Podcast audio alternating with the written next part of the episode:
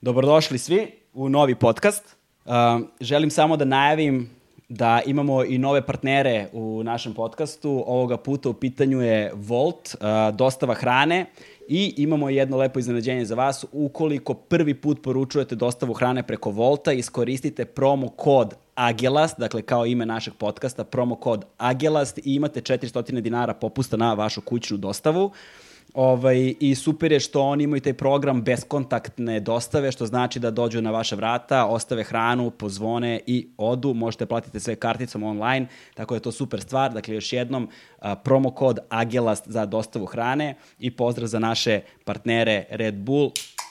Ja volim da pijem ovaj bez šećera.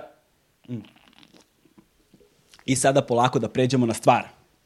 Veliko mi je zadovoljstvo što mogu da ugostim svog današnjeg gosta, za kojeg ponosno mogu da kažem da mi je i prijatelj. U pitanju je jedan od najpoznatijih pisaca sa naših prostora, njegovo ime je Igor Štiks. A, inače je doktorirao na političkim naukama u Parizu i Čikagu, objavio je četiri romana. A, jedan od mojih najdražih romana koje on napisao je svapravo Elijahova stolica, koji je doživao i svoju pozorišnu adaptaciju, koju sam takođe gledao i mislim da je dobio na Bitefu jedne godine nagradu za najbolju, za najbolju predstavu. Ovaj, a, takođe je, dakle, da kažem, doktorirao u Parizu i Čikagu, predavao je, bio je profesor na univerzitetu u Edimburgu, a trenutno je profesor na Univerzitetu za medije i komunikacije u Beogradu i ono zbog čega mi sada razgovaramo jesu brojne teme, ali a, najvažnije od svega je zato što je objavio svoj novi četvrti roman po redu koji nosi naziv W, odnosno malo nesrećno na našem jeziku duplo V. duplo V. Igore, zdravo, kako si? E, zdravo, zdravo, hvala ti na, na pozivu uh, u emisiju, uh, hvala ti uh, što ćemo imati prilike evo da, da, da, da, da, da i u javnosti razgovaramo o mnogim temama o kojima smo često privatno raz, razgovarali, -hmm. a vjerujem da, da moj novi roman koji je duplo V, koji odnosno ima samo jedno, jedno slovo i koji je upravo izišao u Srbiji, u Hrvatskoj je izišao već ranije u izdanju Frakture. Dakle, otvara jako puno, puno tema koje će nas zanimati, vjerujem, i u ovom kontekstu u kojem se nalazimo. Pazi, pre nego što pređemo sad malo na razgovor o tebi i o romanu, uh, malo je nesrećan naziv W, odnosno duplo V, zato što je vrlo nezgodan za Google pretragu. Tako je. Tako. Znaš, vrlo je nezgodan za Google pretraku, ima nešto se zove ono SEO optimization, tako da, pošto ja dolazim iz web novinarstva posljednjih nekoliko godina, kako je to aktualno, naravno, onda postoji uvek taj problem kako da optimizujemo naslove za tekstove, tako da kada ukucaš na Google bude među prvim rezultatima upravo ono što si ti radio, znaš. -hmm. Tako da W je tu baš nezahvalan, treba da znaš šta tražiš, ali je s druge strane dobro što ljudi moraju da znaju onda ime i prezime pisca. tako je. E, Um, on je izašao za frakturu u Hrvatskoj, u Srbiji je izašao za kontrast, izdavaču kuću koja zaista ima odlične naslove. Ja sam, je moj najdrži naslov kontrast ovog izdava, izdanja je, su, je posljednji roman Adama Hazleta, koji je zaista dobar Imagine Me Gone, odnosno Zamisli da me nema.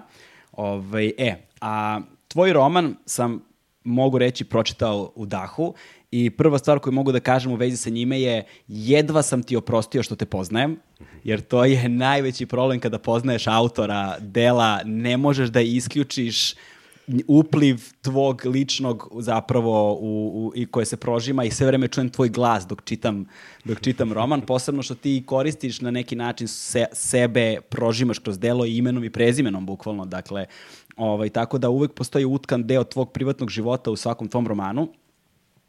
A, Elijahovu stolicu sam mislio da nećeš moći da nadmašiš, ali si to uspeo da uradiš. Ali koliko se sećam kada si radio Elijahovu stolicu, ona je imala nešto mnogo verzija adaptacije pre nego što je postala pozorišna predstava. Uh, pa, uh, e Elijahova stolica imala je naravno um, samo tu jednu, jel, 2000 sada Ne adaptacija, nego mislim verzija pre nego što je ta adaptacija bila igrana. A, da, pa možda smo imali, a, a, radili smo nekoliko tako dramatizacija da Tako, bismo da, da, da. došli do ovog fina, finalnog a, produkta i, i, i to je zapravo govorilo o tome koliko je teško a, prebaciti jedan roman na scenu. Jedan roman, a, ka sama Elija Hostolica, ko, koje se proteže kroz 50 godina evropske povijesti, a još se bavi, naravno, kont, kon, kontekst same priče opsada Sarajeva i uh, borili smo se kako, šta staviti u predstavu uh, kako bi se zadržao ono što ona, što ta priča doista donosi. I uh, tu su Darko Lukić koji je bio dramaturg i Boris Liješević napravili doista divan posao sa, sa velikom nostalgijom se sjećam te predstave i tog vremena i naravno Đuze Stojiljkovića da. koji nas je napustio i, i time naravno i sama, sama predstava više nije na repertoaru jer je on neponovljiv. Apsolutno neponovljiv. Sećam se, ja sam je u okviru Bitefa gledao, da li je to bilo neka 2011. možda tako je, godina, tako, tako je, 2011. godine. Ovaj, e sada, um, kod tebe znamo da je misterija uh, da je suspense, što bi u filmskom jezik, žargonu rekli, ili cliffhanger takođe, nešto što su, ovaj, što nije nepoznato kada je tvoje pisanje, uh, kada se govori o tvom pisanju, ali dinamika i sama ono količina sadržaja koja se nalazi u ovom romanu W je prosto neverovatna. Neverovatno je da ovaj roman ima svega nekih 300 strana zato što on obuhvata vreme i površinu i ljude kojih je neprebrojivo mnogo. Dešava se na više kontinenta, u kroz celu Evropu, Latinsku Ameriku, Sjedine američke države, ono, dešava se baš o, o, ogromno, ogromna prostranstva se prelaze i pokriva vremenski period tamo negde od drugog svetskog rata pa do današnjih dana, dakle ono više od pola veka vremenski mhm. obuhvata i prožima sve neke neuralgične tačke koje su važne u istoriji, uh, savremenoj istoriji koje su zaslužne za, za život koji živimo danas, kako kod nas ovde na prostoru bivše Jugoslavije, tako i prostoru cele Evrope. Ovo je prvenstveno nešto što bismo mogli da nazovemo političkim trilerom, koji ima mnogo akcije, koji ima jako puno detektivskih elemenata, koji ima jako puno misterije, zagonetki i koji ima peripetija više nego antička drama, znači više nego grčke tragedije i, i roman koji se čita u dahu i ono što je meni najteže bilo kada sam pokušao da izdvojim segment kojim bih negde predstavio lepotu jezika koji ti zapravo koristiš i koliko naši jezici kada su svi zajedno pomešani na način na koji je to bilo za vreme Jugoslavije, koliko milozvučno i dobro a, a, zajedničko dejstvo imaju, je veoma teško bilo zato što je toliko nabijen dinamikom i radnjom da prosto čovek ne može da izdvoji dve, tri rečenice da veže, a da ne otkrije neki ključan deo ili da, uh, ili da ih izvuče van konteksta tako da imaju same za sebe smisao, da ne moraju da ukazuju na nešto pre toga ili na nešto što sledi posle toga. Uh, A, zaista toplo preporučujem i ono što je veoma iznenađujuće. Izvini što ovoliko pričam na, na ovu temu, ali oduševljen sam. I ono što je zaista iznenađujuće jeste što imamo ime i prezime našeg čoveka na jednom ovakvom romanu, jer prosto u ovoj modernoj, posebno postmodernoj eri, nestala je priča. Iz romana i iz priči je nestala zapravo priča. mi u velikoj meri u savremenim delima imamo nekakve priče o stanjima, o nekakvim um, to neko prozno i pesničko ja koje se ispoljava kroz nekakve abstraktne i metafizičke kategorije. To je vrlo često naporno i neretko dosadno za čitanje. A kod tebe postoji stara škola, ono old school, početak, sredina, kraj, uvod, razrada, zaključak, jasno definisani likovi, jasno definisana karakterizacija, psihologizacija, struktura koja je besprekorna. Zanima me koliko si dugo radio na ovom romanu? Uh, ovaj, uh, hvala ti, hvala ti doista mm. na, na, i na, na, na ovoj interpretaciji romana mm. i na, na, na, na, na analizi sa, mm. samog romana i njegovih raznih uh, karakteristika, uh, što žnarovskih, uh, što naravno um, um, formalnih. Dakle, um, um, ovaj roman je nastao nekih desetak godina E sad, kada to kažem, to zvuči naravno strašno, i jeste da. strašno. On, ja sam ga pisao neki godinu i po dana, ali uh, ideja sama uh, je doista nastala negdje tamo, čak još 2008. I to često prepričavamo moj uh, urednik iz Frakture, Sejid Sardarević i ja, da sam mu ideju za roman rekao u Leipzigu na sajmu knjiga na, na, na jednoj metro stanici i on je rekao da, da, samo kreni. A, problem je bio da mi je trebalo toliko godina da krenem. A jedan od razloga zašto se, se, se to, to, to desilo je bi, bila sama a, a, širina a, zahvata. Dakle, a, ideja da će se kroz živote likova zapravo prikazati pa skoro pa stotinu godina a, a, čitatelj će otkriti a, a, da postoje likovi koji nas vode u 917. jeli godinu revolucije, koji onda stasavaju u vremenu pred drugog svjetskog rata i za vrijeme drugog svjetskog rata, da se neki likovi rađaju za vrijeme drugog svjetskog rata i vode nas do današnjeg, do današnjeg vremena. E, I tr, e, opisati kako e, likovi prolaze kroz te, te, te događaje jeli, koji, su, koji su nam donekle poznati, ali nam njihovi dijelovi nisu poznati ili, ili učina koji su imali, je tražilo jako puno istraživanja. To je istraživanje bilo uzbudljivo, ali je u jednom trenutku postalo doista preveliko. I to je sada pitanje izbora da li pišete onda istoriografiju jel, ili pišete roman kada je podataka previše, kada se mora zapravo stati s podacima i pusti priču da živi. I, I s time sam se borio. Međutim, ima još jedan razlog koji će sigurno se vratiti u, u ovaj razgovor, a to je da, da u vremenu kada sam, kada sam razmišljao o ovom romanu i uh, se, se, se dogodilo nekoliko stvari. Jedna, jedna je bila da sam, naravno, morao završiti svoje školovanje, jel? pa sam morao napisati taj doktorat, to, to ne ide tako, tako brzo, ni lako, a onda kada sam to završio i kada sam iz Amerike prešao u Škotsku, se dogodila ta čuvena pobuna na Filozofskom fakultetu u Zagrebu, koja, koja me ubacila u jednu, jednu drugu domenu, a to je bila domena aktivizma.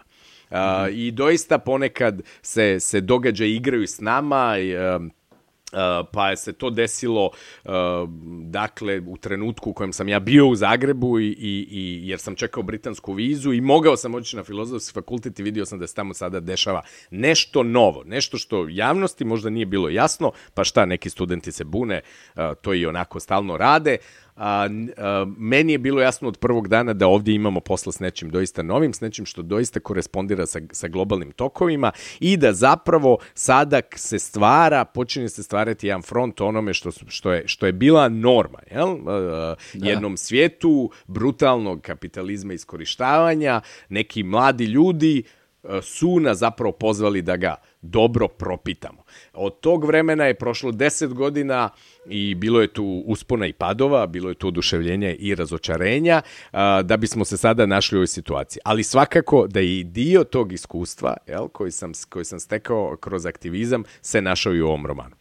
Da, kroz taj aktivizam smo se zapravo negde i nas dvojica u suštini upoznali, mm. jer na tim studentskim a, pobunama u Zagrebu je učestvovao i Srećko Horvat. Mm -hmm, tako ovaj, I onda, smo, onda ste zajedno boravili ovde u Beogradu. Umeđu vremenu su se desili radnički protesti u BiH, u mhm, Tuzli, mm -hmm, tako mm -hmm, beše. Tako je Banja Luci, Sarajevu mm. su izbili radnički protesti, počelo iz Tuzle tačnije, mm. pa je onda bio strah da će se oni preliti ovamo na Srbiju, pa je onda bio solidarni front s ove strane, mm.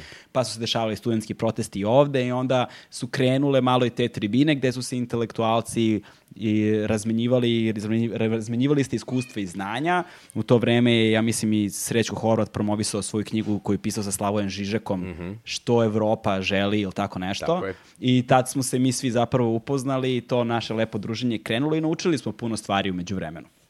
Ovaj, E sada, da se vratimo polako na roman. E, kada si pominjao sve to, ja bih dodao samo da je samo količina istorijske građe koja se nalazi u ovom romanu je neverovatna. I činjenica da si ti ipak uspeo da odoliš tome da ga pretvoriš u istorijski roman, a da iskoristiš istorijske činjenice kao umetničku građu. I to je ono što smo se uvek zezali. Koliko je Ratimir Lava Tolstoja istorijski precizan? Vrlo je istorijski precizan. Ali zašto ga ne uče kao stručnu literaturu na katedri za, za istoriju? Zato što je to umetničko delo. Dakle, istorijska građa koja je iskoričena za umetničko delo i ti si uspeo da održiš tu strukturu umetničkog dela koje je bogato istorijskom građom i ono što mi je veoma drago jeste što si izabrao jednu vrlo specifičnu liniju političkog kretanja zbog koje sam morao svako malo da pauziram roman i da googlam i likove i događaje i da saznajem i zapravo sam čitajući roman saznao jako puno o istoriji, a pritom da mi nisi oduzeo nimalo od umetničkog iskustva, što mi je veoma, veoma drago. I zaista se čita u dahu, meni je bilo malo teže zbog deteta, jel te, ali, ali bez obzira na to. I sada bih izdvojio, pre nego što nastavimo dalje sa razgovorom, taj jedan deo koji je meni bio zaista predivan.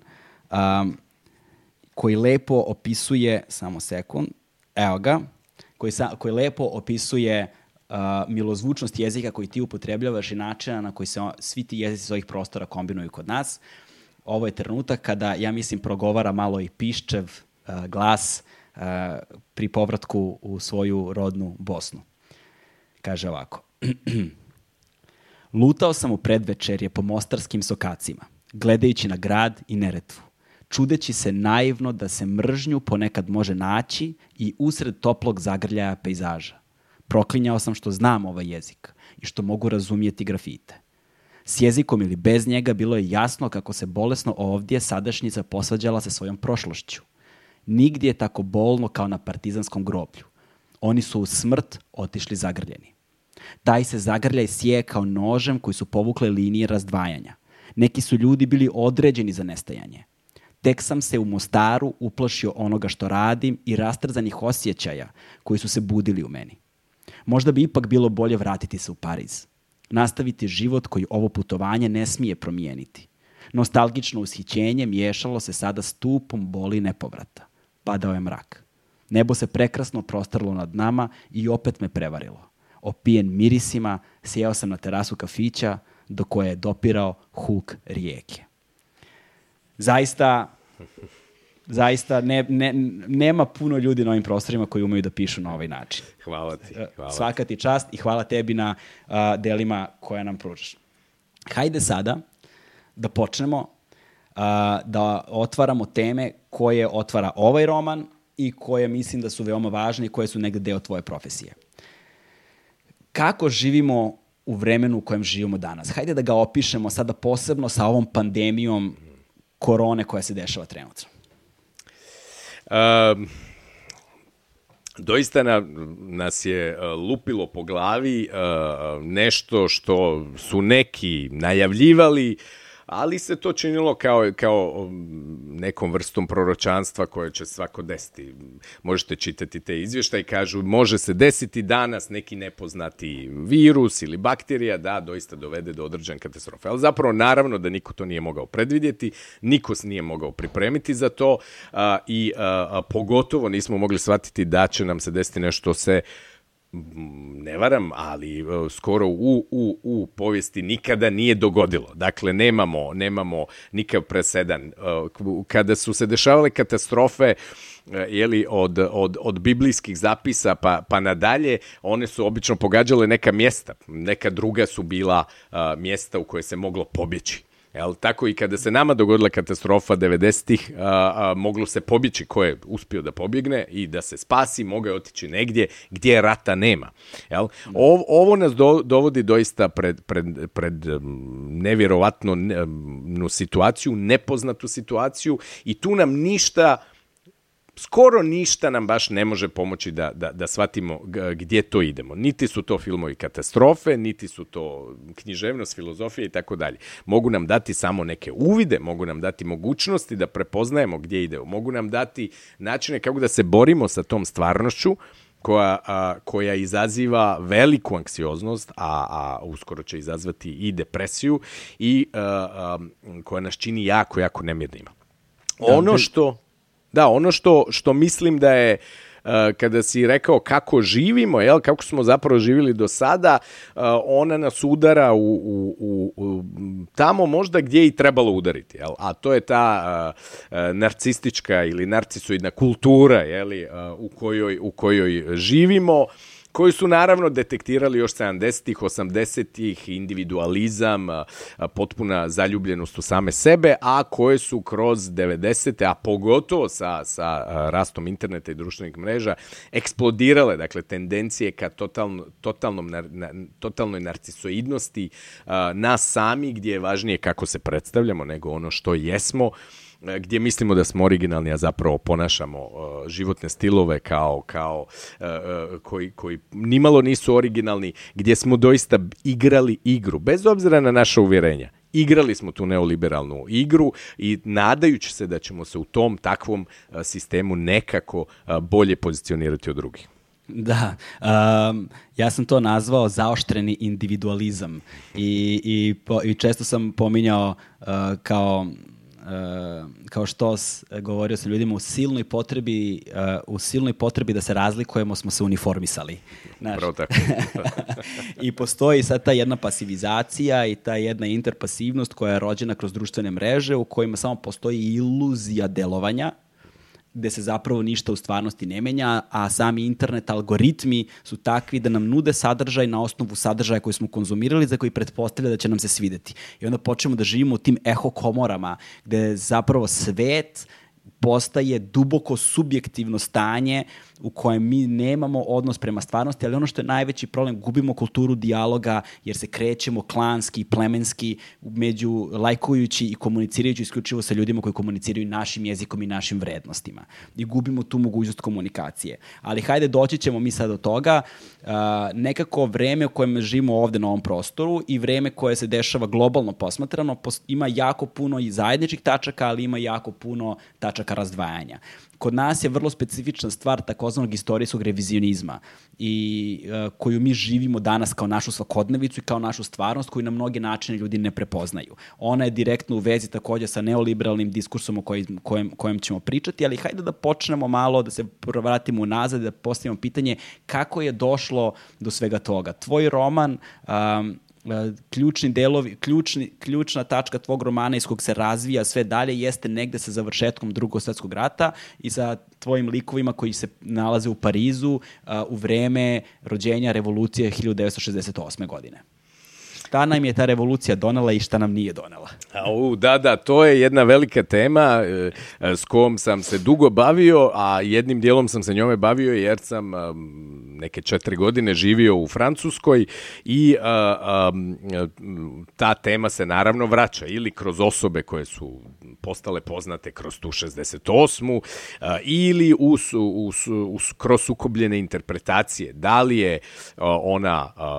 Bila potpuni poraz i, i propast ili je zapravo doista se dogodila Čudna, čudna je stvar ta revolucija koja, za koju, koju nazivamo revolucijom, a koja nije uspjela politički, kao što znamo. Ona je vrlo brzo splasnula i zapravo bila, bila poražena, tako da mnogi smatraju da se radi o, o, o, o jednoj potpunom neuspjehu, dok drugi smatraju da je ona zapravo promijenila puno toga, promijenila je društvo. I tu naravno možemo reći da doista jeste promijenila društvo, da je udarila na, na, na, na autoritarnost tog sistema na zapadu, na, na patrijarhalnost, da je stvorila neke nove subjekte. Na, sada tu dolazi do problema kakvi su ti subjekti i kako će se oni ponašati 70-ih, pogotovo a, i na koji način i tu dolazi do, do velikog problema i, i neke vrste traume na, na toj progresivnoj ljevici, na koji način se je zapravo š, revolucija 68 ili 68 povezala s neoliberalizmom u svom zahtjevu za individualnim glasovima, za, za, za, za rušenjem apsolutno svih autoriteta, u svojoj želji da svaka, sve isti istine imaju pravo da postoje, da ne postoji velika istina, niti postoji istina revolucije kao takve, niti je ko ima, ima pravo voditi ili nam govoriti šta da radimo.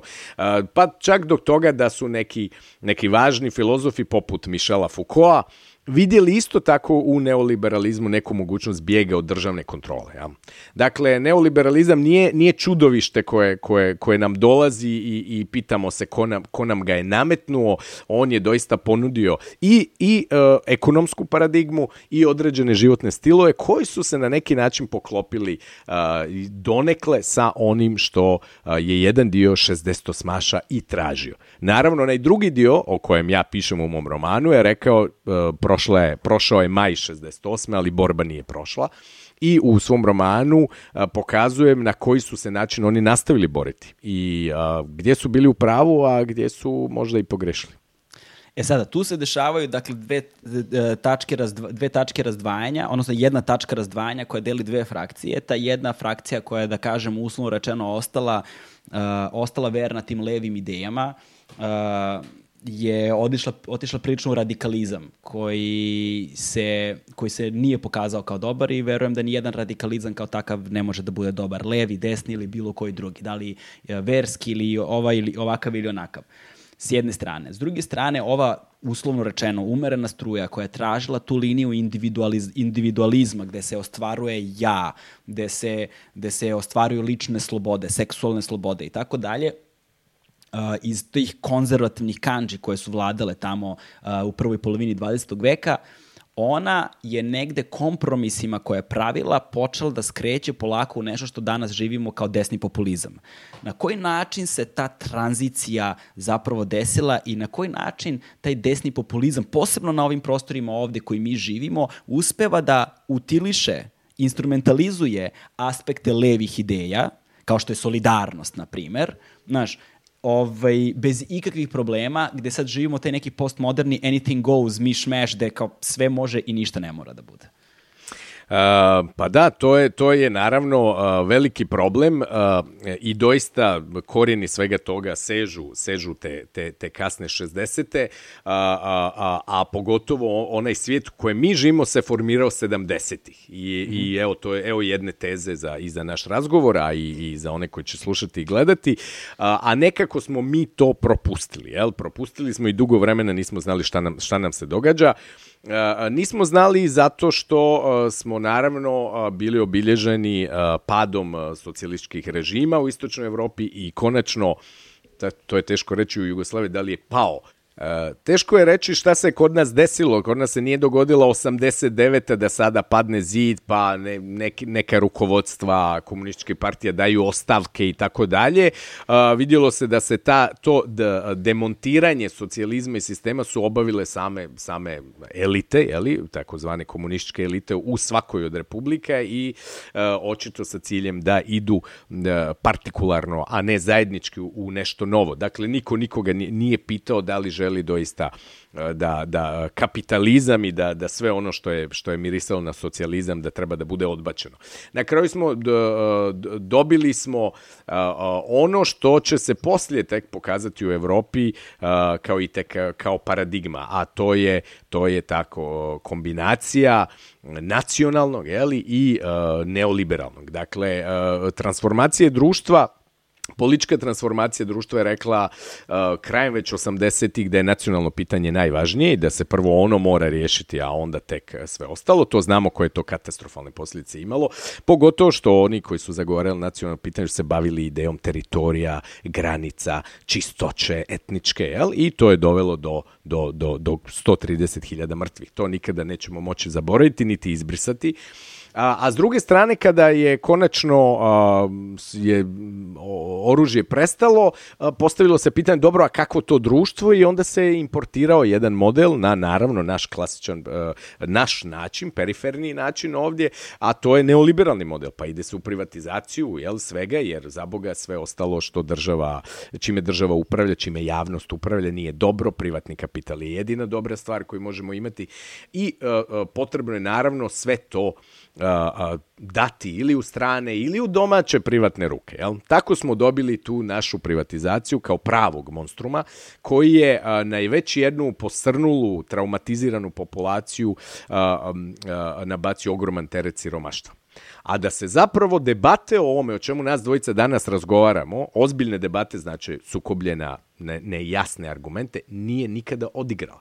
Niko vas ništa nije pitao, sve političke elite su, su, su, su puhale u istu trubu, svi su vam govorili jedno, jedno te isto, da, da je socijalizam propao, da bilo kakve ideje jednakosti socijalne uh, su zapravo zastarjele uh, i da je potrebno, naravno, što prije se priključiti tom, tom vrlom neoliberalnom svijetu u kojem kapital uh, leti s jedne strane svijeta na drugu, potrebno je samo možda malo riješiti pravni okvir uh, i, i, i, i boriti se protiv korupcije, jer za Boga svaki, svaki sistem ima i svoje mane, ali to je to. Tu više rasprave nije bilo. I ono što kada sam spomenuo taj trenutak te, te pobune na Filozofskom fakultetu u Zagrebu, pa potom svih ostalih pobuna, taj trenutak je značio jednu stvar, više ne pristajemo na dogme, jer to su bile dogme. Dogma je kada svi uz više manje razlike pričaju isto. E sada ćemo propitati taj, taj, taj sistem, a a, a, propitat ćemo i ono što smo izgubili. I mislim da je taj kritički moment nešto što moramo, moramo sačuvati u, u vremenima koje dolaze. Vidiš, pomenuo si malo pre komunističke elite, znaš, i to zvuči kao oksimoron, znaš, kao, zvuči kao nešto što nije moguće da se desi, ali se zapravo desilo. I postojala je takozvana komunistička elita, što znači da vrlo verovatno pravo socijalno, socijalističko uređenje o kojem bismo mogli teoretski da govorimo u suštini nije postojalo na, na, na, na, dobar, na dobar način.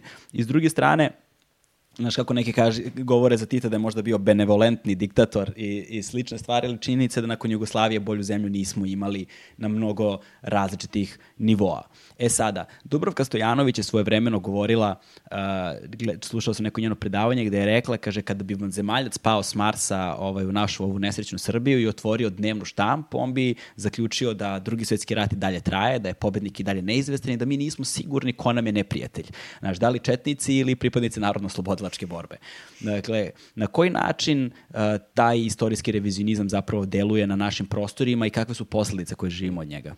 Pa, po, potežeš pravo pitanje, jel trebalo je da. nekako ispričati priču. Vi morate, uh, politički narativi su strašno moćni i oni doista ljude tjeraju i, i zajednice i države u kolektivne suicide ili guraju negdje dalje. Dakle, uh, uh, nije moglo ići samo da vam neko kaže danas ste izgubili posao i, i oca ste siromašan. Pa naravno, svako zna da bi se taj, taj ili grupa takvih prije ili kasnije pobunila. Trebalo im je reći neku drugu priču, da je zapravo vrijeme nacionalne emancipacije, da se ima svoju državu, svoju zastavu, da, se, da je čovjek suveren i tako dalje, a onda je bilo potrebno a, uništiti alternativu. A ta alternativa, ne samo ovdje na ovim prostorima, nego i u svijetu, jeste bila alternativa koju generalno nazivamo socijalističkom u svim svojim varijetetima, a, koja, je, koja je nosila jednu, jedan plamen francuske revolucije, dakle, ona je bila sekularna, ona je bila prosvjetiteljska i ona je mo morala odgovoriti na vrlo teško pitanje, a to je kako naći formulu za jednakost koju, si, koju su spomenuo. Kako sada iz jednog nejednakog društva doista napraviti dru, društva jednakih. I naravno, ono što smo i znali i u socijalizmu, da ideali baš nisu odgovarali odgovarali a, a, samoj realnosti. U razgovorima e, ima jedan divan moment kada a, Predrag Matvejević i Krleža razgovaraju, jel, u čuvenim razgovorima s Krležom, Matvevićevoj knjizi i uh, Krleža uh, se naravno uh, um, referira na ovu situaciju i on kaže uh, kako je, uh, mislim da spominje Demopasana koji je rekao, ah kako nam se Republika činila divnom pod carstvom, jel? a onda kada je Republika došla ispalo je da baš nije toliko divna i on se Krleža, dakle čovjek koji je izgradio taj sistem je rekao, oh kako nam je bio divan socijalizam pod kapitalizmom, jel?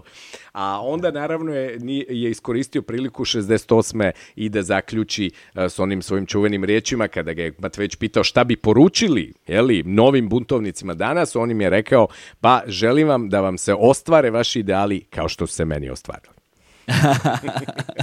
pa i sada tu si mi dao dobar šlagvord zapravo kada si govorio o ubijanju političkih alternativa, odnosno uh, ubijanju alternativnih ideja i ideologija koje bi mogle da nas izvuku iz problema bez obzira na sistem u kojem živimo.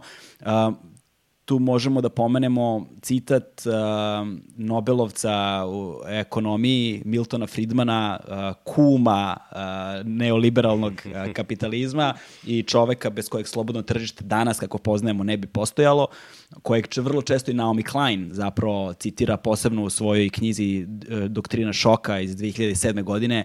To je knjiga koju zaista svakome uh, ko je zainteresovan za ovakve teme mogu da preporučim jeste, jeste to da kaže samo, parafraziraću dakle, samo kriza prava ili a, percipirana donosi sa sobom promenu ali promena koju donosi zavisi od akcija koje ćemo preduzeti, koje se oslanjaju na alternative ideje, alternativne ideje koje leže unaokolo.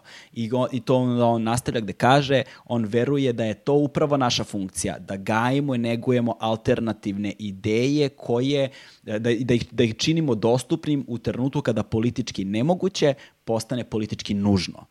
E sada, dakle, izlazi iz kriznih situacija, na primjer ova pandemija je svakako krizna situacija, jedna globalna krizna situacija iz koje ćemo mi izaći tako što ćemo morati da posegnemo za nekakvim alternativnim idejama koje leže unakolo. Koje su to alternativne ideje danas koje mi na ovim prostorima negujemo ili koje, s druge strane, civilizacijski negujemo globalno?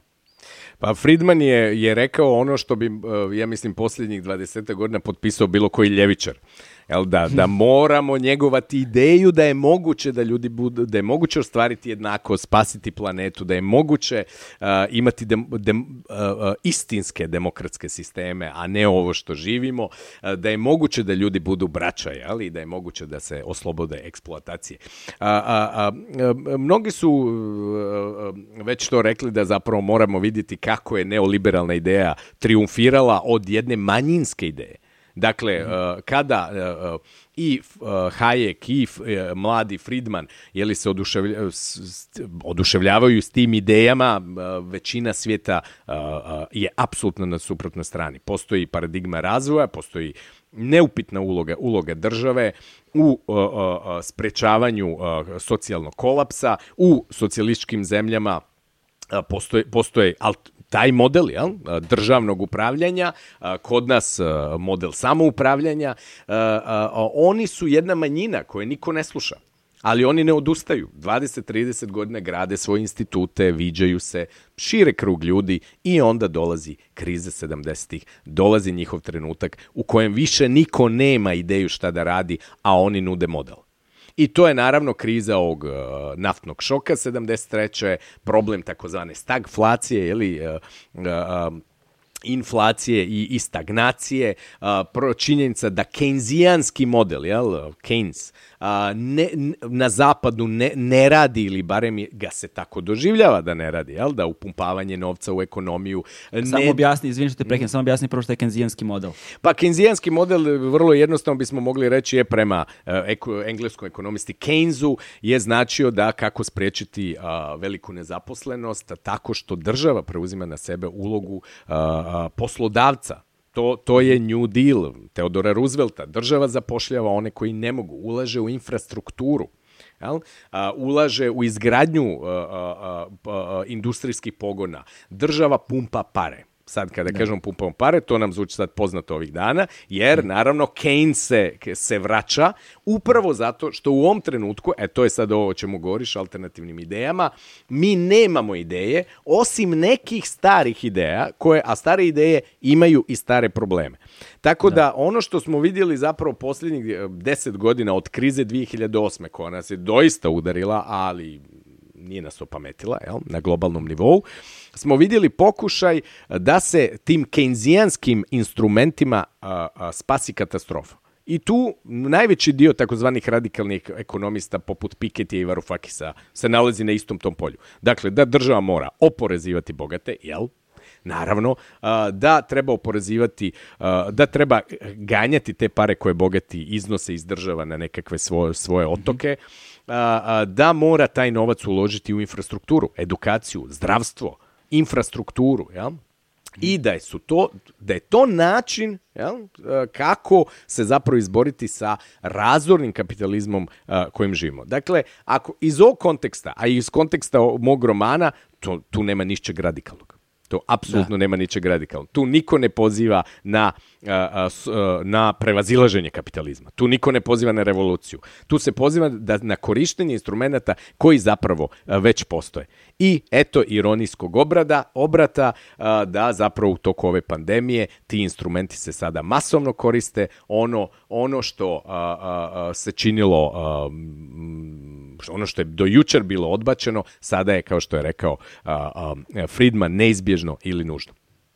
I sad ta neizbežnost ili nužnost dolazim, dola, dola, dovlači nas do jedne linije koja je vrlo specifična takođe za naš, za, naš, za naš region. A to je da u ovako velikim i ozbiljnim krizama kapitalizam se pokazuje potpuno nemoćan. Ne može da reši problem i taj ekonomski tsunami koji nam sledi nakon ovog stanja koje da stvar bude još gora je potpuno neizvesno i ne znamo koliko će trajati i kakve će posledice po nas, prvenstveno zdravstvene, psihičke, kolektivne i tako dalje ostaviti, a onda, nas, onda nam sledi, a možda i paralelno će početi već sa time i ekonomska recesija, pa kapitalizam se pokazao nemoćan da reši taj problem i celokupan svet je stao. S druge strane, postoje te nekakve ideje iz tih stari, kao što si rekao, stare ideje imaju i stare probleme za kojim se mi, za kojim mi posežemo, ali ta komunikacija nekako kao da promašuje metu, kao da promašuje, uh, kao da ne budi u ljudima to elementarno pitanje šta je to što se zapravo dešava. Jer kod nas a, neoliberalni diskurs koristi te instrumente socijalnih ideja, levice, a, internacionalnih ideja, na neki potpuno bizaran način. Ti sad imaš internacionalnu ideju među konzervativnom populacijom, kroz taj populizam, jel te? Ovaj, koje oni ne prepoznaju kao leve Kako se to dešava uopšte? Ka kako je moguće da se koriste ideje levice, da se one ne prepoznaju? Hmm. Um, užasi postmoderne, ja?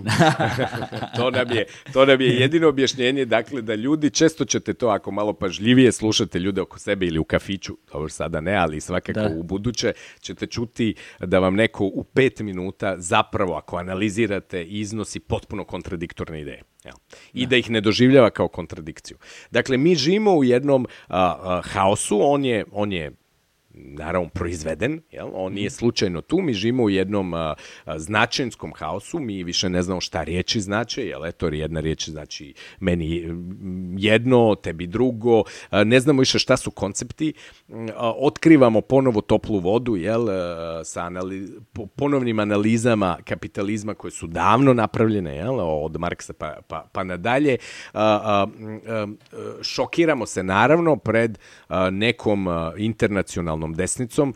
Naravno, desnica teško može biti, jeli, ovaj, imati, biti u istinu tako internacionalna, ali može imati neke vrste dogovora, u krajnjem slučaju za vreme drugog svjetskog rata je imala različite vrste dogovora, ako ne možda isti, isti cilj a, u, u, u, u konkretnim segmentima, ali različite vrste dogovora. I danas imate tu ideju o tome da, naravno, Evropa treba biti Evropa naroda, Evropa evropskih naroda, kojima neće pripadati oni koji nisu evropljani, koje treba izbaciti i tako dalje. I tu imate jedan konsenzus. Sa desničarima je najveći problem ako se ne mogu dogovoriti oko granica teritorija i naravno resursa. I tu nas vode u ono što smo znali kroz prvi svjetski i drugi svjetski rat, a to je, to je, to je katastrofu. Jel? Ili vode uh, uh, države u ratove jedne protiv drugih, ili uništavaju svo, svoja vlastita društva.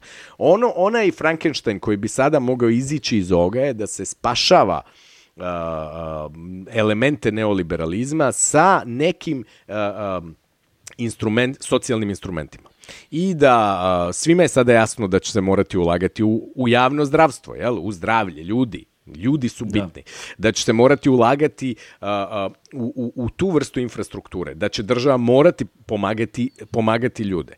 Problem je što to u ovom kontekstu dobiva nacionalni okvir.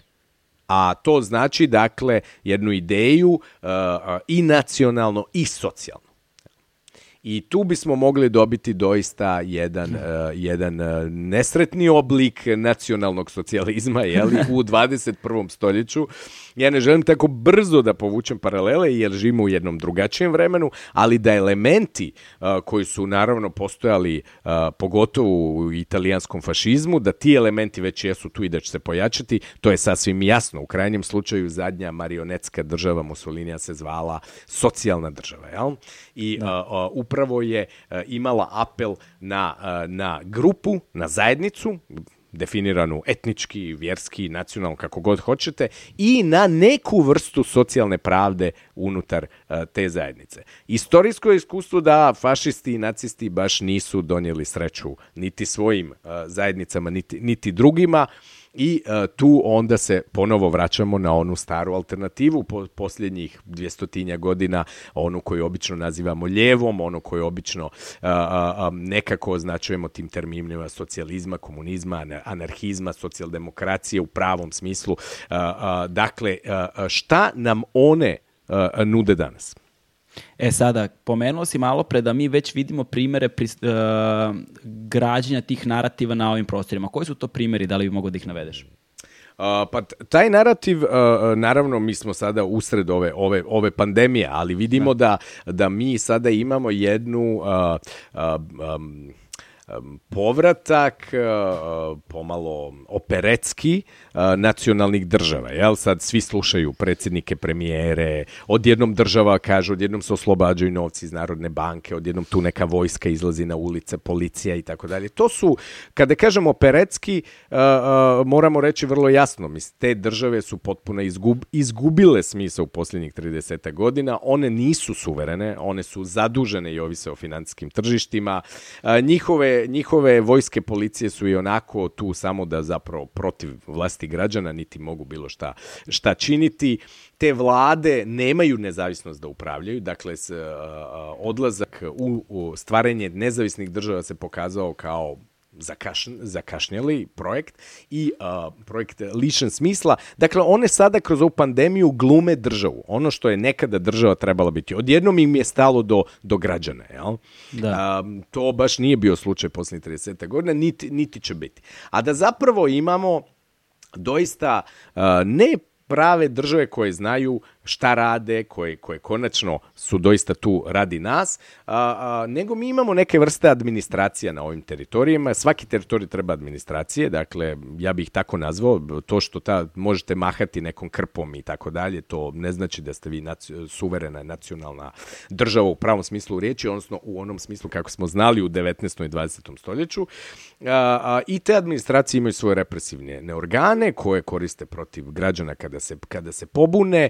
Dakle, Dakle, i kapitalizmu je potrebno da neko menadžira teritorij. Ono što je bilo jako važno globalnim kapitalističkim elitama bio je konsenzus. Dakle, a, sa tim lokalnim elitama, negdje ga ima, negdje ga nema, jer se naravno i te lokalne elite, kad kažem elite, naravno mislim na vlastodržce i na ove tajkune i tako dalje, međusobno bore za te sve ograničenije resurse. I sad vi, vi vidite kuda mi idemo. Idemo u jednu ekonomsku devastaciju, idemo u ka smanjivanju resursa, a da i dalje imate, imate političke narative jeli, koji, koji pokušavaju dati važnost vašoj zajednici, bilo da je nacionalna, etnička i religijska, a zapravo vam, kaž, vam slikaju jedan grozan scenarij. Pa ovo je sad tek džungla. Sad se treba boriti za opstanak. Kao kad napadate supermarket i borite se oko brašna. Eto, to je to. Ili oko toalet papira, kao što smo, kao da. što smo vidjeli. Ovo nas sada čeka. Dakle, moramo suzbiti redove. Moramo izbaciti disidente. Moramo izbaciti one koji ne izgledaju kao mi, koji ne govore kao mi. Jel? Moramo se boriti protiv stranaca. Dakle, jedna ksenofobija povezana sa paranojom i idejom, naravno, koja se na Balkanu i takako često pojavljuje, idejom opstanka ili ugroženosti, će se sada možda vratiti doista sa osvetničke. Jel? Ponovo ćemo moje živjeti, a to će imati jako, jako, jako loše posljedice. I ja sad već vidim, tu jeste pitanje, a gdje je alternativa? tu da bismo mogli malo bliže da razumemo tu stvar sa našim pojedinačnim republikama u odnosu na bivšu državu koju smo imali i naš pojedinačni odnos uh, prema svetu, evropskoj zajednici, globalno i tako dalje, posebno tržišno posmatrano, moramo da razumemo, mislim, prosto mislim da je važno za ljude da razumeju odnose ekonomskih centara i ekonomske periferije, za početak, i kako zapravo tragično neoliberalni diskurs deluje na zemlje ekonomskih periferija i sa ugrožavanjem radničkih prava, time što dovlačimo investitore po znacima navoda, tako što ispod žita, da kažemo, menjamo zakon o radu. To je, to, to je potpuno klasičan uh, recept koji je svuda uh, proveden. Uh, uh, obično se napravi neka kriza pa se ljudi bave time, a vi onda neki m, to progurate kroz, kroz parlament i onda se ljudi odjednom nađu i shvate da nemaju prava koje su imali jer su, jer su naravno bombardirani idiotskim sadržajima, jer su potpuno demoralizirani svakidašnjom borbom i jer ne postoji masovne organizacije koje bi se mogli priključiti, a koja bi rekla, e sad nas više nećete eksploatirati jer mi želimo izgraditi neko drugo društvo. I to je ovaj problem ljevice koji imamo danas, o kojem jako puno i često, često razgovaramo, da tamo gdje bi trebala biti alternativa, ona je uh, skromna, ona, je, ona nije skromna idejno. Ideje su tu, iz razne ide, ideje cirkuliraju. Uh, zna se koje su neki ideali ljevice, jel? ali ona skromna politički. A politički je najvažnije u datom trenutku. A zato morate imati, naravno, jake organizacije i masovnu podršku da biste bilo šta mogli, mogli uraditi. Tako da sad nam se dešava bizarna ideja da neke od ideja ljevice, što smo ispomenuli u ovom razgovoru, postaju mainstream, a da prave političke ljevice nema, nego a, a, to provodi upravo ili konzervativna ili nacionalistička desnica. Dakle, to će samo stvoriti još više konfuzije. A, kad smo govorili to o centru i periferiji, pa ne, ne dešavaju se stvari ovdje. Jel? Mi smo periferija. Mi nismo, ima, ima još gore. Jel? Mislim, nismo mi kraj. Mi smo sad ovdje malo blizu centru, pa recimo možete da uh, šaljete vaše doktore. Ka, zašto ste vi periferija? Pa zašto imate dobre fakultete da možete da napravite kvalitetne doktore koji će raditi u Njemačkoj. Dakle, vi servisirate periferiju vi servisirate centar iz periferije. Uh, u centru se donose bitne odluke, tamo je uglavnom kapital o kojem vi ovisite, možete ponuditi jeftinu radnu snagu za određene stvari, ali boga mi ne možete pobjediti niti Vjetnam, niti Kinu, niti Bangladeš, tamo će se stvari proizvoditi. Dakle, uh, vi ste, uh, onda donosite i određene suicidalne odluke, uh, um, a to je, na primjer, da ove naše zemlje nisu imale kvasac, ne proizvode kvasac, koji, kao što znate, možete kući proizvesti, ne radi se, dakle, o nuklearnoj fizici, jeli, nego su uvozile kvasac. I onda ste, ste pogodovali uvozničkom lobiju koji je uništio vašu, vašu domaću industriju i tako ste lijepo došli do ove situacije totalne, totalne zavisnosti u kojem barem 70% ljudi jedva krpa kraj s krajem, usto prezaduženi ni građana, a, neki 20 posto više srednje klase se, se donekle snalazi sa različitim poslovima, čiji dobar dio novca dolazi iz inozemstva i nekih, boga mi, 10 posto živi prilično dobro, a onih 1% žive sjajno. ali 1% su svuda uvek bili i uvek će biti 1%. Znaš, to ako važi i sa visokim obrazovanjem, nažalost. Ali sada, na koji način hajde ovako nekako da to pomenemo malo plastičnije, da ljudima možda bude jasno. Simboli uh, koji stoje kao kruna, recimo, desnog populizma, uh, su zapravo svojatani s, iz nekih drugih narativa, a da to ljudi, na primjer, uopšte ne razumeju. Na primjer, svi desničari se sada kunu u Gavrila Principa. Znaš, kako je to moguće? ovo je, ovo je, dobar, ovo je dobar, dobar primjer. Pa zato što, što, što e, događaj i ličnosti su otvoreni za interpretacije. Znate, e, u socijalizmu je postojao problem kako da interpretirate Gavrilo Principa. Naravno, između dva rata interpretiran kao heroj, jel? On je pucao na monarhiju, monarhija je pala i tako dalje. A onda je naravno postojao problem šta ćete u socijalizmu, e, s obzirom da je taj prvi svjetski rat bio užasan, da je doveo do, do, do do, do, konačno i do tog režima koji ga je slavio, jeli ovaj, međuratne Jugoslavije, pa ste ga onda ubacili u socijalistički narativ, jel? Pa Gavrilo Princip je se borio za sve naše narode, što doista on jeste govorio, a i tu je sigurno bio neki socijalizam, anarhizam, nešto čime bismo mogli da ga slavimo. Pa i onda i tu bio heroj.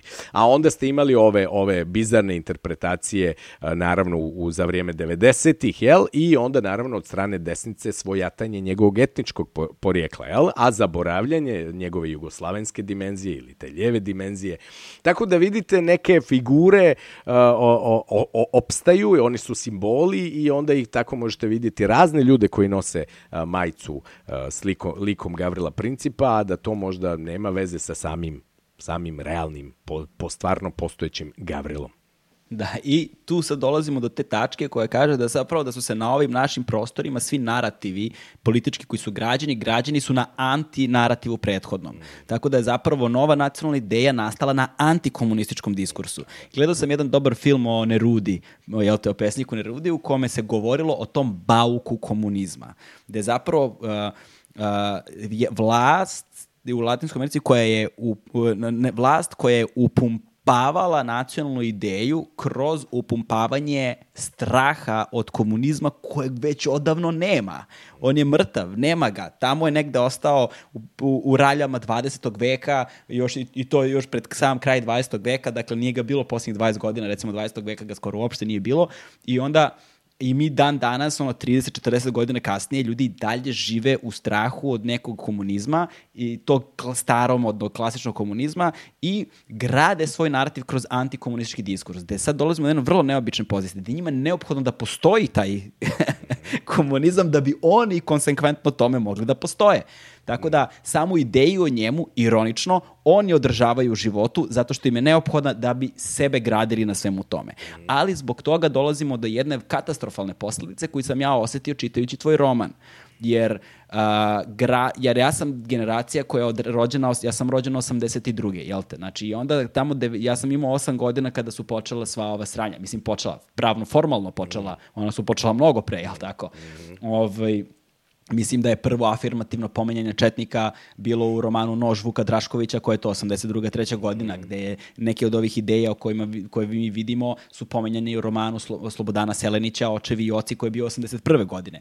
Studentski protesti u Prištini mm. su bili, jel te, 81. godine. Tako da sve ove stvari su počele mnogo ranije. Nisu one, ali kažem, pravno, formalno, one su 89. 90. godine kada su počinjali, ja sam imao 8 godina ja, i da, ja sada imam 38 godina, razumeš, ja i dalje živim iste, iste posledice, samo na neki drugačiji način. Ali ono što je mene pogodilo značajno jeste kada sam čitajući tvoj roman shvatio koliko istorijskih fakata, velikih, važnih istorijskih događaja ne znam. Ili koliko istorijskih ličnosti sam morao da googlam. Ili još važnije od svega toga, koliko važnih istorijskih događaja sam ja interpretirao na nekakav drugačiji način, samo zato što su one nama bile ili iščitavane tako kada smo bili deca, ili su bile amputirane kao da tu prošlost nikada nismo imali. I mnogi mladi danas koji stasaju zapravo ne znaju ništa o tim istorijskim okolnostima u kojima smo živjeli nekada i da izgleda da mi svakih 20 godina, ma i manje od toga,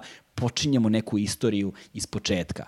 Znaš, I sada se grade ti nekakvi, uh, nekakvi sistemi koji su potpuno veštački i koji ne znam u kom smeru, u kom, u kom, u kom smeru nas vode. Sada, na koji način ti misliš, uh, pošto čak i u romanu pominješ ali ja mislim da si to i uradio kao kako da bi voleo da si u Sarajevu mogu da držiš otvoreni univerzitet ili nekakve planove, ali mislim da si to zapravo i radio, je li tako? Da, da, da. Jesi. A, na koji način tvoja borba protiv ovakvih narativa izgleda i kako misliš da je moguće barem da nekako istorijske činjenice dovedemo na istu ravan? Mm. Da uprostim jednim, jednom, jed, jednom samo anegdotom. Kaže, uh, pravi mir na prostoru bivše Jugoslavije biće moguć onog trenutka kada u svim bivšim republikama srednjoškolski učbenik iz istorije bude bio jedinstven. pa da, mislim, uloga upravo tih učbenika je poznata, jel? Jer oni zapravo ponavljaju one priče koje zajednice pričaju samima sebi. Mislim, to naravno da je u socijalizmu postao jedan narativ, jel? I obično postoje narativi koji legitimiziraju određeni poredak ili donose socijalni mir. Znate, u Francuskoj postoji narativ o velikom pokretu otpora, jel? A onda, naravno, istraživanje tog pokreta otpora baš nisu naišle na toliko masovni pokret otpora, nego na jako puno kolaboracije a trebalo je proći 30-40 godina da se to otvori, da se to zna. Dakle, uh, uh, Francuzi su sebi pričali jednu priču i mi smo sebi morali ispričati priču nakon drugog svjetskog rata. Priču o zajedničkoj borbi protiv neprijatelja i o domaćim izdajnicima. I ta priča je bila u tim učbenicima. Jel? E sada, uh, postoji razlika u pričama. Mislim, sve je priča, ali ako je priča ta da je bolje živjeti zajedno, pomažući se solidarno a, a, i da ne ubijate nikoga, onda i sam ja prije za tu priču, nego li za priču o mržnji Jel? I a, a ta priča o mržnji dominira. Jel? I obično je vaša grupa ta koja je žrtva, drugi su zlikovci, a, vi ste htjeli uvijek najbolje, drugi su vam zabili nož u leđa. Dakle, to je grozno koliko je banalno. Koliko je banalno. To vrijeđa inteligenciju. A bez obzira na to, ljudi prihvaćaju takve simplificirane narative da bi nekako preživjeli u svojim zajednicama. Jer inače morate ići u sukob sa svim ljudima oko vas, a to može samo mali broj ljudi. Morate im reći to što pričate su mitovi, gluposti, budalaštine, izmišljotine. Znamo gdje su nastali, znamo ko ih je proizveo. Vi ih pričate jer morate osmisliti ovaj svijet. E tu je mali trenutak u kojem ja imam simpatiju za obične ljude, jer je ovaj svijet doista toliko kaotičan i toliko nerazumljiv da vi morate ga pojednostaviti. Nažalost, to razumijem ljudsku potrebu, ali ni, ni, ni na koji način ne opravdavam paranoju, teorije zavjere, dakle da, da, da iz potrebe da, da si objasnite svijet uh, počnete misliti da 5G mreža izaziva, izaziva koronavirus ili ga, ili ga pomaže, dakle tako je nešto je neprihvatljivo. O, o, takve vrste, naravno, ideja koje idu okolo i koje su potpuno antinaučne, jel? koje one su također posljedica onoga što se slomilo krajem 20. stoljeća, jel? ideja prosvetiteljstva i to ideja toga da možda menadžiranje nauke i naučnih rezultata nije uvijek uzimalo u obzir um, svačiju situaciju, ali da ipak se, se bavilo time da nas zaštiti kao ljude i da zato je potrebno ulagati. E sad, ovaj trenutak koji mi sada živimo, da treba spašati ljude, a ne pro, nečiji privatni profit, jel, jeste doista dramatičan i, i, i imaće dugoročne posljedice. A, a, činjenica da, da morate ulagati u vaša društva će neke ljudi, nekim ljudima otvoriti oči. Nakon ovoga mnogi ljudi na nepravdu neće pristati na nejednakosti, a bogati će shvatiti da ako žele zadržati barem dio toga, moraju nešto i dati tim društvima koje su svih ovih godina prilično nekažnjeno pljačkali. Dakle, doći će do u, u najboljem u scenariju do jednog širog front, šireg fronta koji će iz, iz ovog ove katastrofe koju živimo izvući jasne političke zaključke. A to je kakav, kakav svijet želimo i kako do njega doći. Ne očekujem radikalizam, ne očekujem revolucionarne pokrete, mada ni, ni to nije isključeno, ali očekujem i tekako veliki pritisak javnosti za povratak na fundamentalno važne stvari. A to je kako živim, uh, da li, koje su mi šanse za život, zašto neki imaju sve, a ja ništa, kako omogućiti jednom društvu doista i svima onima koji su se rodili slobodni, da budu slobodni uh, u, u, u ovom svijetu u, u, u kojem živimo, da svima nama koji se rađamo jednaki, da doista to i budemo, a ne samo formalno pravno, da vam tamo piše da su svi građani jednaki, a da u realnosti dobro znate da, da to nisu, a, a, nego upravo i materijalno jer o tome konačno se radi. O krovu nad glavom, o, o, o mogućnosti da, da imate doktora, o mogućnosti da se školujete i, i da, da konačno upravo zahvaljujući tim materijalnim uvjetima vi birate uh, svoj život, a ne da vam je on unapred određen i da ste uh, na neki način sudbinski osuđeni uh, uh, da, da budete jadni, bjedni, siromašni uh, uh, i, da, i, i da, da umirete prije vaš, vašeg vremena. Dakle, tu je naša borba. I tu je borba naš, naše generacije sada u ovom jednom periodu. Nakon što smo vidjeli raspad državnog socijalizma, nakon što smo gledali devastaciju neoliberalnog kapitalizma i njegovu sada, sada krizu, a, a, a možda i kraj, na nama sada, sada u sljedećih 10-20 godina ostaje da nekako kreiramo svijet, da, da, da, da, da podvučem barem u skladu s nekim od naših ideala. Pomenuo si malo pre tu simplifikaciju, uprošćavanje narativa koje je neophodan populaciji da bi ona mogla da nastavi napred, jer prosječan čovjek prosto nema ni vremena, ni sposobnosti, ni kapaciteta da se izbori sa celokupnim tim monstruoznim uh, pregrštom, korpusom jel, te informacija koje bi, bi trebalo da barata, a da opet i dalje bude na po, po, po, po, poprištu nečeg nepoznatog. Ovaj, ali simplifikacija i to pumpanje populizma mi doživljavamo sad jednu vrlo specifičnu situaciju koja kao da negde tera u besmisao celokupan javni diskurs. Znači ono što se dešava sa medijima, ono što se dešava sa naslovima, ono što se dešava sa brzinom protoka informacija, mi sada imamo jednu veliku krizu pod brojem jedan uh, informacije. Šta je informacija danas? Uh, koliko je ta informacija vredna i koliko ja tom izvoru mogu da verujem. To je prva stvar. Druga stvar je, dakle, odnosno nezavisno, to, nezavisno informisanje s jedne strane. S druge strane, sprega medija i vlasti, koje su ono u rukama medija, u rukama vlasti. I treća, postoje te sada uh, postoje gde, gde sad ti imaš takav jedno zatrpavanje, inflaciju kroz taj protok informacije gde ti sad više ne znaš šta je istina. Ili ono kako su pre nekoliko godina nazvali post-truth, je li tako? Znači, kako se snaći u ovom sistemu sada ukoliko si ono običan svakodnevni građanin? Hmm. Pa, um, Sad, nekoliko je recepata, naravno, mi smo puno pričali o, o globalnom, a nekada je doista potrebno doći na individualni i e, nuravan i vidjeti šta ko od nas može doista, doista napraviti. Sad, tu postoji niz, niz savjeta šta činiti, naravno, svi se pozivaju na to malo usporeniji život, jel? kako da. bi informacija doista bila informacija. nužnost da da ne prihvatamo tako, tako pojednostavljene informacije a za, a, ili ideje, a za to nam je potrebno da se potrudimo. Jel? Da, um, eto, na primjer, da nešto čitamo, da nešto slušamo, da nešto gledamo i da to da. traje, jel? Kao, kao i sa fizičkim vježbanjem. Jel? Ovaj, potrebno je to raditi kontinuirano i onda dođu kasnije rezultati, ne dođu odmah. Vi znate da mi živimo u vremenu digesta, u toga da, da, da, da vam piše na svakom članku koliko minuta imate da ga pročitate do kraja. Dakle, na, na jednoj um, a, a, a, um, um, na nekoj vrsti a, a, a, situaciju koja nas tjera na pasivnost i na ljenost, jel?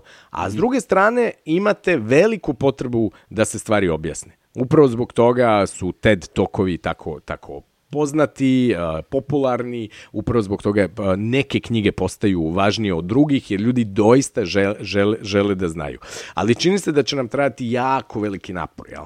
Drugi napor koji će nam trebati jeste upravo da se da budemo malo manji narcisi nego, nego što jesmo, a to znači otvoriti se drugome, a drugome, drugi je drugi može biti opasnost, na primjer može da donese virus, jel? Drugi da. može da, da, da, da, da ima neke ideje koje vas uznemiruju. Uh, s drugim je jako teško komunicirati, a da baš u njega ne projicirate svoje, uh, svoju narcisoidnost, kao što se to obično dešava, na primjer, na nekim društvenim mrežama ili nekim uh, društvenim alatkama poput Tindera ili sličnih, sličnih stvari. Dakle, mi ćemo morati izmisliti ponovo način kako, kako, kako da, da razgovaramo. I, uh, I kako da razgovaramo uh, sa onima koji sasvim sigurno neće dijeliti upravo uh, sva naša mišljenja. Da iziđemo iz te, te, te, te eho komore, u kojoj smo toliko uh, dugo, dugo bili, bez obzira koliko bili obrazovani, uh, svi se zapravo ponašamo isto. Dakle, uh, opet stara, stara stvar, auto, autokritika, jel, ovaj, prvo pa onda, pa onda možda otvaranje ka, nečem drugom. Da li ćemo i na koji način to moći napraviti, nisam siguran da bilo koja škola života tu može pomoći, osim sa, sa tako nekim savjetima, koliko zapravo mi možemo djelovati delovati, a opet će to ovisiti naravno i o društvenoj, društvenoj atmosferi. Ideja o tome da samo mi individualno možemo promeniti sebe, pa to je te naše individue krenuti mijenjati svijet, mislim da doista ne, neće raditi. Nažalost, neke, neke stvari su doista određene, eto, ta ekonomija nas određuje, apsolutno, ali kada bi postojalo, i tu se nadam da je, da je uloge književnosti, jel? kada bi čitati zanimljive knjige a, a, koje nam otvaraju jednu, jednu drugu perspektivu na svijet, na ljude oko nas i naravno na same sebe. E vidiš, i tu je sad ona lepota jezika koji se koristi u tvom romanu, zato što tu imaš i lipanj i travanj, a onda imaš i april i mart, jel tako? Ove, ovaj, I onda, onda imaš i jekavicu, jekavicu i ikavicu i imaš i ne znam da li u nekom trenutku ima čak i čakavski neki ili neki slovenački, znaš, svega, svega tu ima. Pa da, ima mojica i to, da sad ne otkrivamo ljudima, ima i slovenački. I e, postoji jedna a, romantizovana a, mislim, sada već u našoj svesti romantizovana ideja, ali koja je lepo oslikana u tom romanu, koja je jednim širokim potezima četkice kao nekom sfumato tehnikom, onako koja briše granice, koja postaje, a, koja se preliva iz jedne u drugu, opisuje kako je izgledalo živeti na prostoru bivše Jugoslavije kada su se ljudi kretali od Zrenjanina do otok. E, pritom, koji je otok u romanu? Na A, se... to je samo otok sa veliko O, jel? To nisam da, da. ga otkrio, ali to jeste naravno jedan otok blizu Šibenika, inače tamo ima nekoliko lijepih malih otoka koje ja intimno poznajem i on je taj D, jeli? D, D Island, otok. D otok. da, da, da, sa tim, ovaj, definite article, D, jel te? E, i sada, I sad postoji taj odnos Beograd, Sarajevo, Mostar, a, otoci u blizini Šibenika, Hrvatski, znaš, do, Zagreb i doživljava se, doživljava se jedno jedinstvo gde sad imaš nekakvu, danas bi ona bila doživljena kao nekakva internacionalna ideja, ali koja zapravo tada nije bila internacionalna, je bila intimno naša.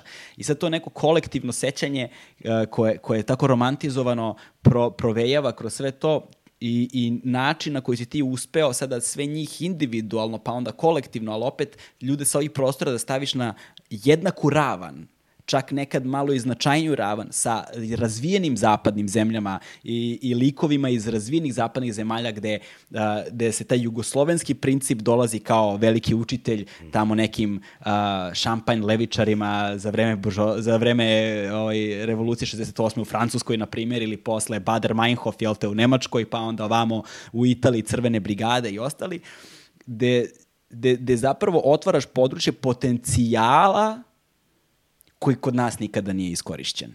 Znaš, i gde sad ostajemo sad tom setom gde ono služi kao plato na kojem se oslikava koliko je turobna stvarnost koju mi živimo danas. I gde onda sa tvojim likovima koji kada se vraćaju nazad na ovo područje, posebno na, na tragična mesta B Bosne i Hercegovine, se oseti onaj taj segment setni koji sam pročitao na samom početku našeg razgovora. Znaš, gde se vidi uh, koliko smo zapravo zapali u zam, upali smo sami u sobstvene zamke, znaš, za koje nam možda niko drugi nije ni kriv toliko, ovaj, i živimo i dan danas njihove posledice. Ali ono, sad dolazim do, mm -hmm. do mhm. pitanja, ono što Uh, jer u istovremeno i razmišljam, znaš, ono, pod utiscima sam i dalje, završio sam ga juče, ono, roman. Dakle, A, pomenuo si malo pre da upravo zbog toga što smo mi periferija, ali ne previše daleka periferija, nego ta periferija, tu tikus centar, gde mi zapravo servisiramo taj centar. Zbog po, posledica svega toga što se dešavalo, dovelo je do te neke četiri velike migracije koje su se dešavale na prostoru bivše Jugoslavije. Bila je ta velika migracija nakon drugog svjetskog rata, ta čuvena politička. Onda se desila ta gastarbajt generacija krajem 60-ih, početkom 70-ih godina, je tako? Sa tim ugovorima koje su Austrija, Nemačka, je tako, Francuska i tako dalje potpisivale. Onda a, se desila, onda se desila ta ratna izbeglička migracija 90. godina i ova sada, Hrvatska ima ogroman problem sa ulazkom u Europsku uniju, je li tako trenutno najveći, mi još nismo ušli, ali evo Nemačka je, mislim da nije, de, nije desila korona, bio bi egzodus iz Srbije, jer je Nemačka sa početkom marta uh, ukinula radne vize za određene strukovne oblasti, posebno u medicini i za ljude iz Srbije, gde mladi studenti, recimo medicine sa sa dobijanjem indeksa upisuju paralelno kurs nemačkog jezika. Mi sad imamo taj brain drain, odliv mozgova, koji gradi kulture naših ljudi u dijaspori. Mi sada imamo naše u dijaspori, a ti si žive u Parizu, živeo si u Čikagu, je li tako? Dakle, mlade, onda imaš ljude koji su rođeni i odrastali tu, a onda imaš i ljude koji su otišli nekada davno, čija su deca rođena i odrasla tu koji ne, na neki labav način, vrlo proizvoljan, pokušavaju da budu vezani za našu maticu, ali možda u njoj nikada nisu bili. Mm -hmm. Znaš, ali možda u njoj nikada nisu bili i kako se grade ti identiteti? Kako izgleda identitet naših ljudi sada tamo? Ko su oni zapravo i na koji način i kako oni se doživljavaju sebe? Um, To, to e, doista e, e, hvala ti na, na, na, na, na ovom čitanju, jel, i na, na ovim dodatnim interpretacijama romana i na, na, na, na, na, na prezentaciji njegovih različitih dijelova. On jeste roman koji, koji se jednim dijelom dešava ovdje, jeli, na, ali se dešava doista na svim tim međunarodnim koordinatama. I dakle, upravo ovo pitanje koje si postao kako zapravo bez kompleksa participirati u nekoj, nekoj svjetskoj povijesti. Jel? Jer često smo skloni tome da smatramo da postoje modeli koje je samo potrebno prebaciti kod nas i jednog dana kada budemo kao Švedska sve će biti divno i krasno. Jel? To obično naravno tako ne ide i pojednostavlja situaciju i u Švedskoj i kod nas. A, a, o, međutim, prebacio si pitanje sad na jednu, na vrlo interesantnu stvar.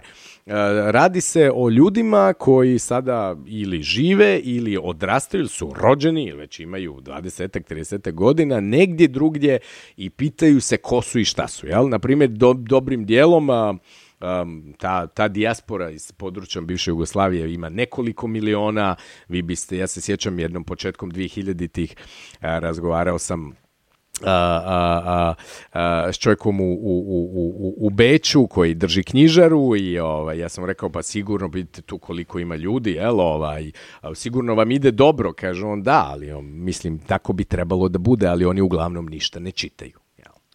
I sada vi imate taj problem na koji način neko doživljava šta je to njegov identitet.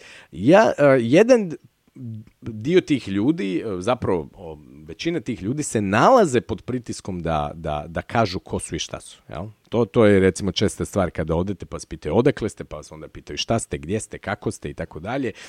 Kod a, a, a, oni, mi živimo u tom svijetu tribalizacije, tako da bez obzira što živite u Njemačkoj, vi treba tamo da se identificirate nekako, prozivaju vas, proziva vas policija, prozivaju vas ljudi, kažu ko ste, ne možete vi da kažete, slušajte, mene on ne zanima, ja ovdje živim, plaćam porez, ovo je lifestyle koji ja želim, to što se zovem Goran, Zoran i tako dalje, nema nikakve veze, e pa ima. I oni su prisiljeni, dakle, da izmisle na podlačim izmisle svoj identitet. I onda posežu za ovim pojednostavljenim nacionalnim narativama, pa si naravno pričaju te narative negdje u dijaspori, a nikada pod milim bogom ne bi živjeli ovdje i, i kada dođu da žive se potpunosti razočaraju u, u, u sistem, ali svoje registarske tablice, jeli na njima pišu, ne znam već šta pišu, što bi mogli prepoznati drugi, ili se tetoviraju ili tako dalje. Dakle, dobijamo upravo ove užase, užase postmoderne, gdje taj nacionalni identitet dobiva par priča, on je obično identitet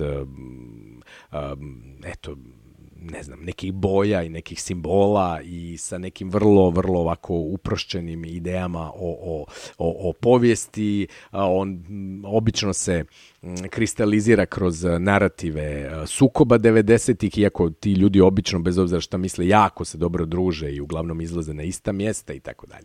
Ali ono što, što je meni važno u ovom trenutku reći jesu ljudi koji ja srećem i s kojima se uglavnom družim.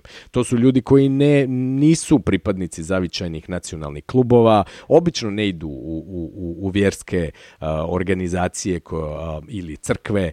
Uh, o, to ih apsolutno ne zanima, sebe vide da je njihov identitet identitet nadnacionalan, nemaju problem s time odakle su, ali zapravo žele graditi neki drugi život. I taj, tih ljudi imate jako puno, ali oni nemaju svoje ime. Jel? To Jugoslavija je ostala u prošlosti.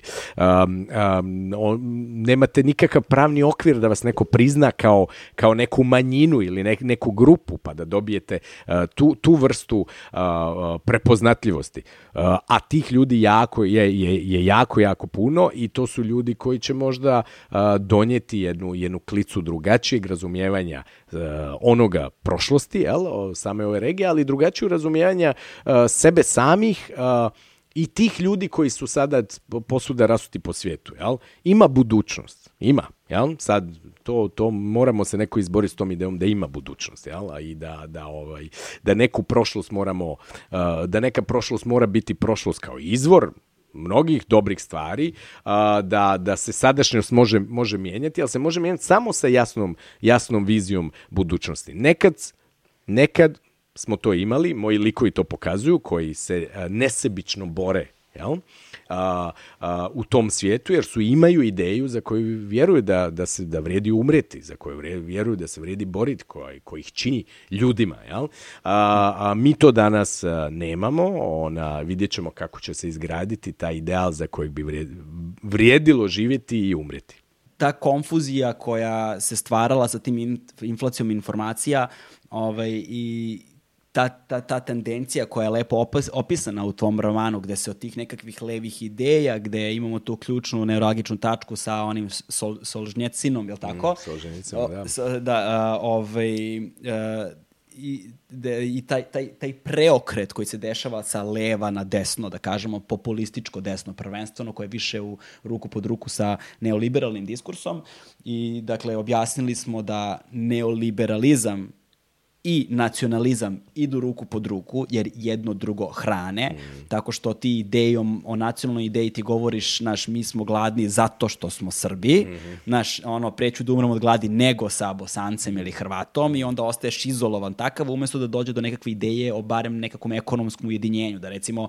izađemo sa nekakvim zajedničkim zahtevima, mm za prava radnika. Pa onda kada dođe taj neki strani investitor, po znacima navoda, on mora da ispoštuje podjednako i ovog u Hrvatskoj, i ovog u Bosni, i ovog u Srbiji.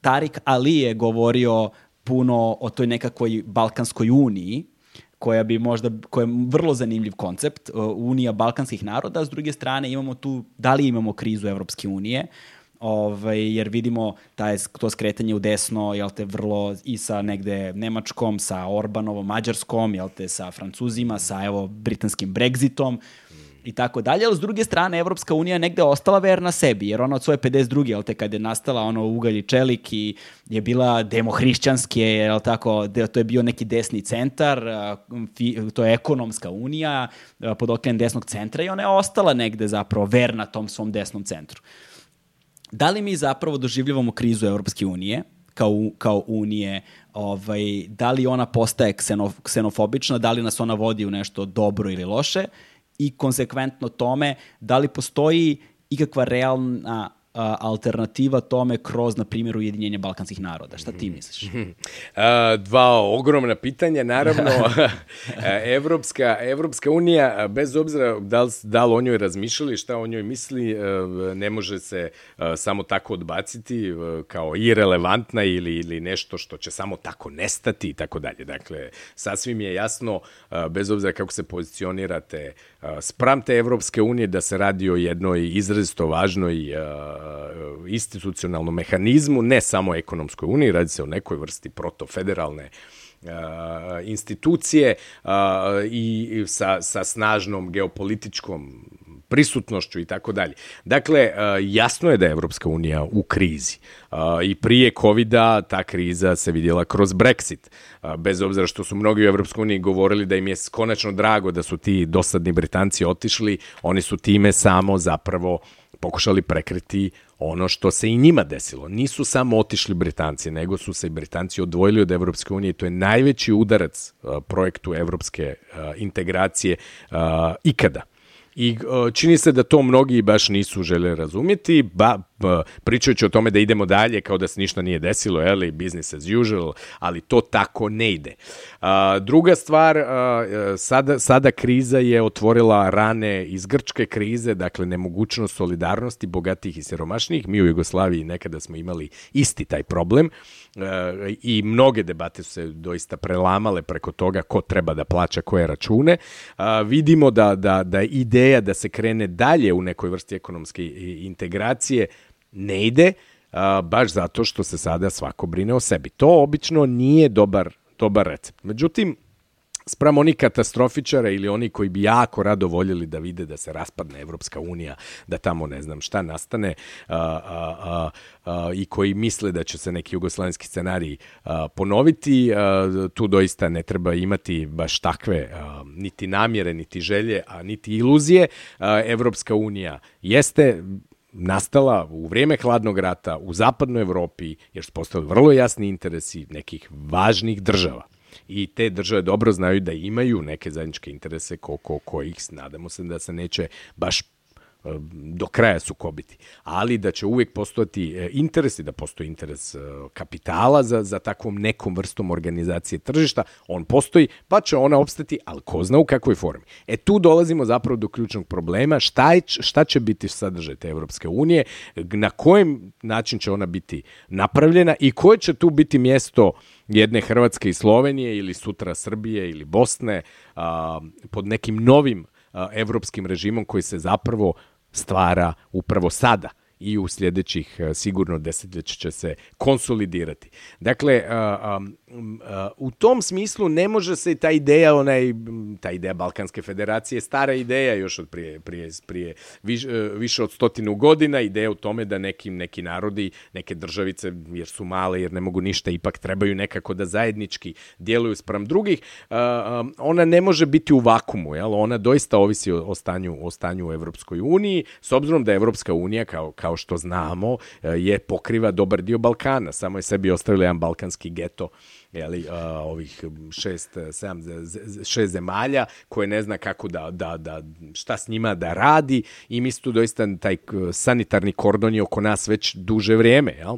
Dakle, ideja Balkanske federacije naravno treba biti draga svakome ko, ko, ko zna da se, da se ove države moraju okrenuti svojim susjedima. Jel?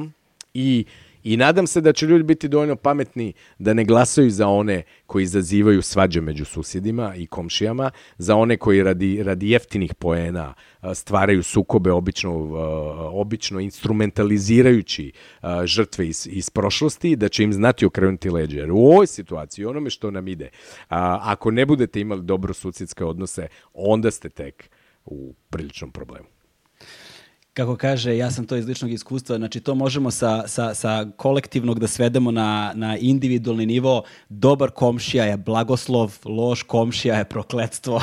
Tako da iz ličnog iskustva to mogu da potvrdim, a vrlo, vrlo verovatno i svi drugi. Igore, stigli smo do kraja hvala ti puno na ovom razgovoru. dotakli smo vrlo malo gomilu tema. Ovo su naravno sve daleko ozbiljnije i šire teme od onoga koliko mi možemo da pokrijemo u ovom kratkom razgovoru, ali nadam se da smo barem inicirali među drugim ljudima da počnu da razmišljaju ili kopaju na tu temu. Ja samo da preporučim još jednom tvoj roman W, dakle Igor Štiks, novi roman W u izdanju Kontrasta. Ne znam da li može da se poruči Nažalost, imali, imao si tu nesreću da je promocija romana trebalo da bude baš kad je izbila ova pandemija. upravo, upravo tako. Jel? Roman je izišao a, baš kada je, kada je proglašeno vareno stanje, a, bori se da stigne do knjižara, a moguće je naručiti online, jeli, preko kontrast izdavaštva. To je eto, eto neke, neke bare mogućnosti da roman dođe do čitatelja. A, za neke druge možda ćemo čekati, morati sačekati neka bolja vremena, a ja se naravno nadam jednoj promociji uživo, a ne da. samo online. Online. Da, nema problema. Pazi, ovaj, ako je nešto u Srbiji, barem su knjige jeftine, ono, dva piva, jedna knjiga, to je barem jeftino, ovaj, i ne bih ovo govorio da zaista ne verujem da ova knjiga vredi uh, te novce. Dakle, uh, ja ću ostaviti u opisu svog videa, ću ostaviti link da možete da kupite knjigu, da je poručite online ukoliko budete želeli, toplo je preporučujem, ukoliko ste ljubitelji trilera, ukoliko ste ljubitelji avanture, ukoliko ste ljubitelji akcije, ukoliko ste ljubitelji erotizma, intriga, ukoliko ste ljubitelji istorijske građe i svega toga zajedno na jednom mestu, ono, pod neviđeno, neviđeno lepim stilom i dinamikom, toplo preporučujem. Ja sam je pročitao u dahu, koliko mi je moje dete dozvoljavalo. Hvala ti puno još jednom. Uh, nadam se da ćemo se uskoro videti i uživo i da ćemo moći da komentarišemo još mnoge druge stvari, a nekom drugom prilikom, što da ne, ponovo u ovom podcastu. Hvala ti. Hvala tebi.